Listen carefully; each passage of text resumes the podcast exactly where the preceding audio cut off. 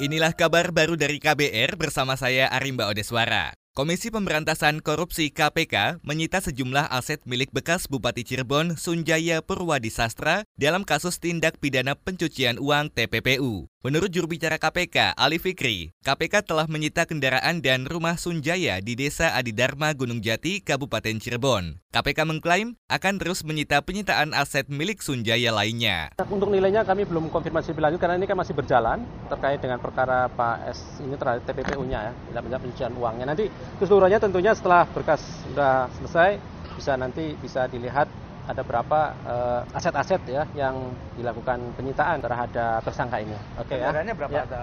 Kemarin sih ada rumah satu dan kendaraan satu. Tapi nanti jumlah pastinya saya kami konfirmasi ulang karena proses penyitaan uh, kemarin masih berjalan. Itu tadi juru bicara KPK Ali Fikri. Sebelumnya, Bupati Sunjaya diduga menerima gratifikasi terkait perizinan PLTU 2 dan perizinan properti dengan total penerimaan sebesar 51 miliar rupiah. KPK juga menduga ada aliran dana sebesar 250 juta rupiah ke Kongres Sumpah Pemuda PDI Perjuangan 2018 lalu. Aliran dana itu berdasarkan fakta persidangan di kasus tindak pidana pencucian uang Bupati Cirebon Sunjaya Purwadi Sastra. KPK juga telah memeriksa 146 saksi untuk tersangka Sunjaya, termasuk anggota DPR RI Niko Sihaan.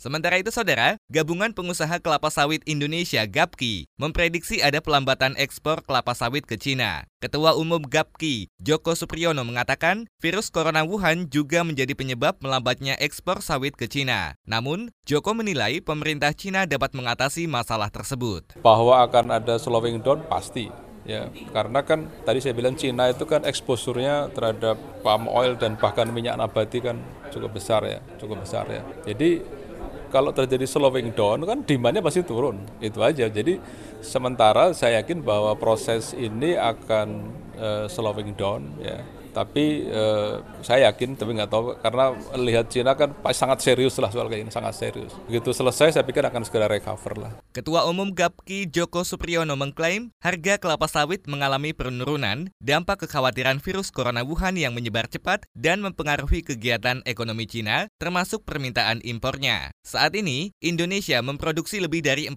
juta ton minyak kelapa sawit mentah CPO dan 4,6 juta ton minyak inti sawit Indonesia juga memiliki cadangan minyak sawit sebanyak 4,6 juta ton di 2019.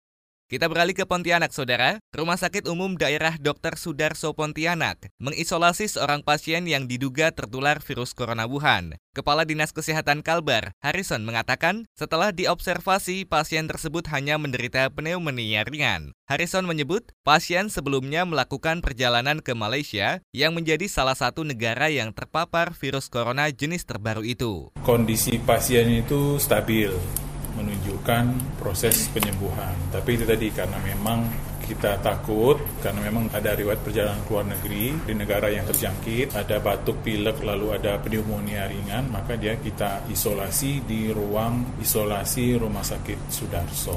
Jadi ini nih bukan dia positif corona, bukan.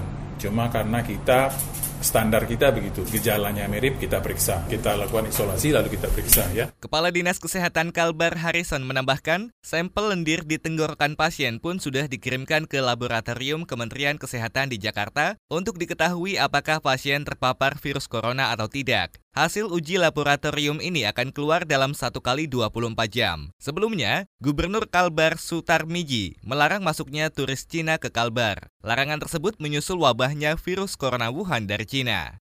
Kita beralih ke informasi mancanegara. Pemerintah Cina memerlukan peralatan medis seperti masker, pakaian pelindung, dan kacamata pengaman untuk menghadapi penyebaran wabah virus corona yang berasal dari kota Wuhan, Provinsi Hubei. Saat ini, masker sangat sulit didapatkan di Cina karena produksi terhambat akibat libur Imlek. Kapasitas produksi pabrik masker yang biasanya memproduksi sekitar 20 juta masker per hari, kini hanya menghasilkan sekitar 60-70 persen. Pemerintah di sejumlah provinsi besar di Cina telah mewajibkan penduduk untuk mengenakan masker. Hingga Senin kemarin, sebanyak 362 orang meninggal dan lebih dari 17.000 orang terjangkit virus corona Wuhan. Demikian kabar baru dari KBR, saya Arimba Odeswara.